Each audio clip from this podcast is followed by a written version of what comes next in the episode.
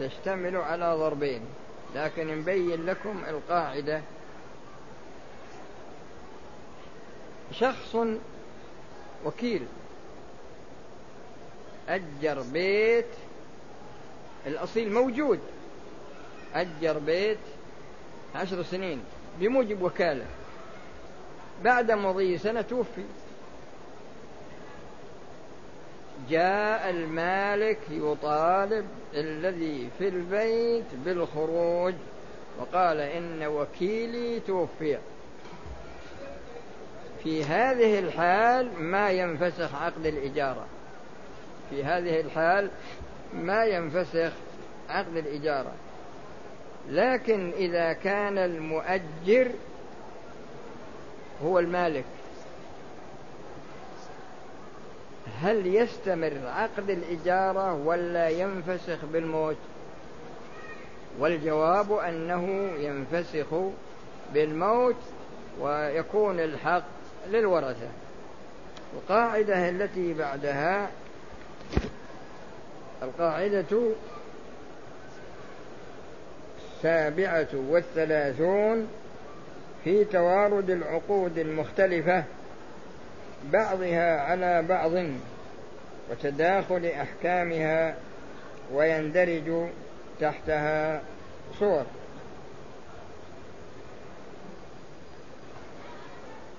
فيه الآن عقود الشريعة هذه العقود يلحق بها ما يختلف عنها. ومن المعلوم أن كل عقد في الشريعة سبب ويترتب عليه مسببه. كل عقد في الشريعة فهو سبب ويترتب عليه مسببه. إنسان رهن شخص بيت. قال البيت الفلاني ما في أحد تراه رهن. كتب له صك. بعد ذلك أذن له بالانتفاع منه. في هذه الحال هل يغلب عليه عقد الرهن أو يغلب عليه الإذن بالمنفعة؟ القاعدة هي موضوعة لهذا النوع من الفروع. يعني عندما يحصل عقد ابتدائي ثم يلحق بهذا العقد ما لا يعني ما يخالفه هل يتداخلان أو أنهما لا يتداخلان. قاعدة موضوعة لهذا النوع. قاعدة الثامنة والثلاثون فيما إذا وصل بألفاظ العقود ما يخرجها عن موضوعها فهل يفسد العقد بذلك أو يجعل كناية عن عما يمكن صحته؟ على ذلك الوجه فيه خلاف يلتفت إلى أن المغلب هل هو اللفظ أو المعنى؟ من من القواعد اللي توضح القاعدة أن العبادات الأصل فيها التوقيف ومعنى ذلك أن الشخص يتقيد بالعبادة من ناحية أصلها ومن ناحية نوعها ومن ناحية عينها ومن ناحية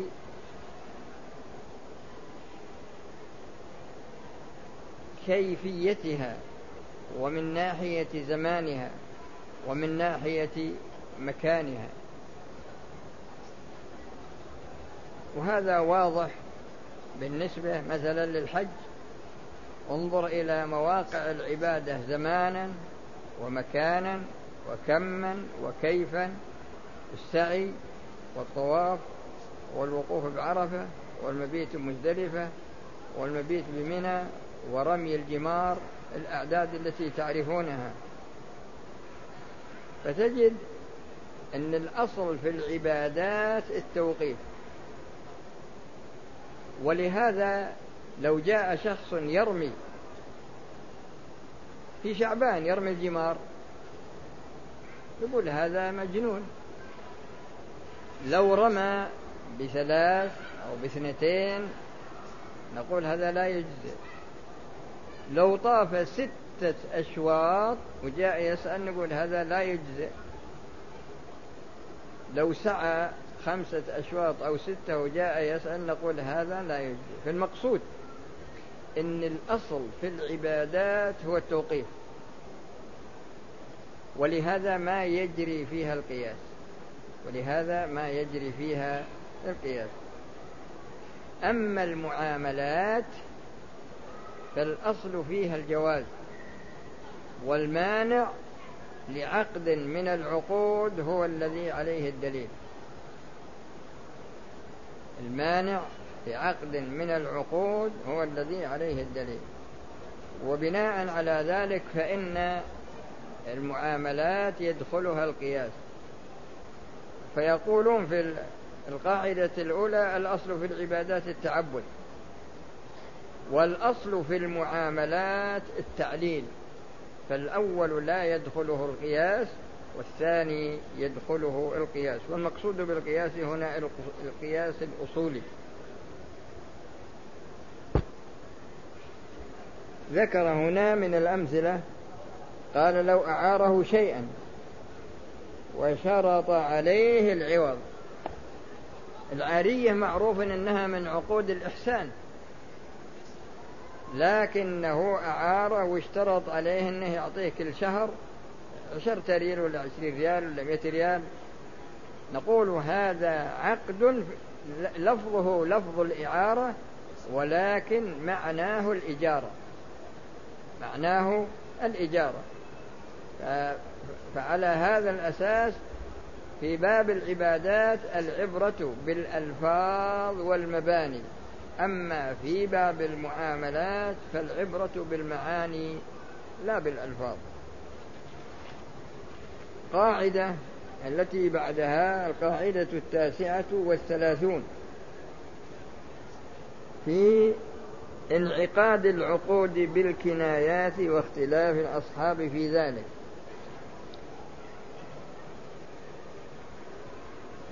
المقصود هنا أن الشارع شرع ألفاظا في العقود في العقود التي يدخلها التعليل يدخلها التعليل.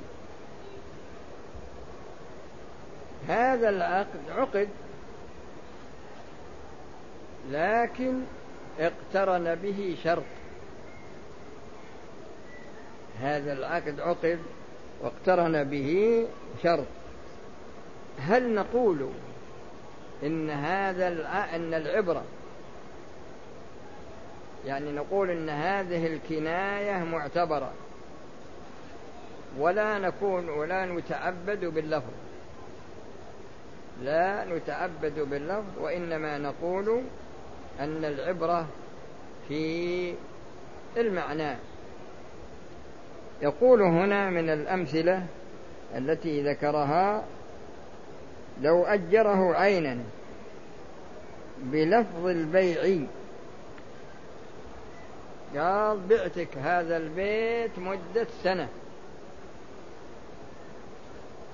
هل نقول إن البيع كناية في الإجارة أو نلزمه بالبيع؟ قاعدة موضوعة لهذا النوع والجواب أن العبرة بالمعنى وليست العبرة باللفظ وبناء على ذلك فإنه يكون إجارة ولا يكون بيعا. قاعدة التي بعدها القاعدة الأربعون. الأحكام المتعلقة بالأعيان بالنسبة إلى تبدل الأملاك واختلافها عليها نوعان. هذه القاعدة هي التي وقفنا عليها فيما مضى ونقف عليها وهذا ختام الكلام على القواعد الفقهية. وفي الدرس القادم إن شاء الله نتكلم لكم على ما سبقت دراسته من المسائل الأصولية. وبالله التوفيق. في أسئلة؟ ها؟ لا أريد أسئلة عن القواعد فقط. ما في شيء؟ خلاص تعال أنت. تعال عندي جمع أسئلة مش تسوي بها تعال وش تسوي بها الأسئلة شوف الأسئلة اللي أنت تجمع. شوف. خل أعلمك خل أعلمك. أنا عندي درس عندكم ليلة الأحد هناك عرفت؟ وبفرغه للإجابة على الأسئلة كلها. من مخليها يعني درس كلام لأن لأن أي جمع كل ما عندك من الأسئلة والشيخ صالح جاء لي جل ليلة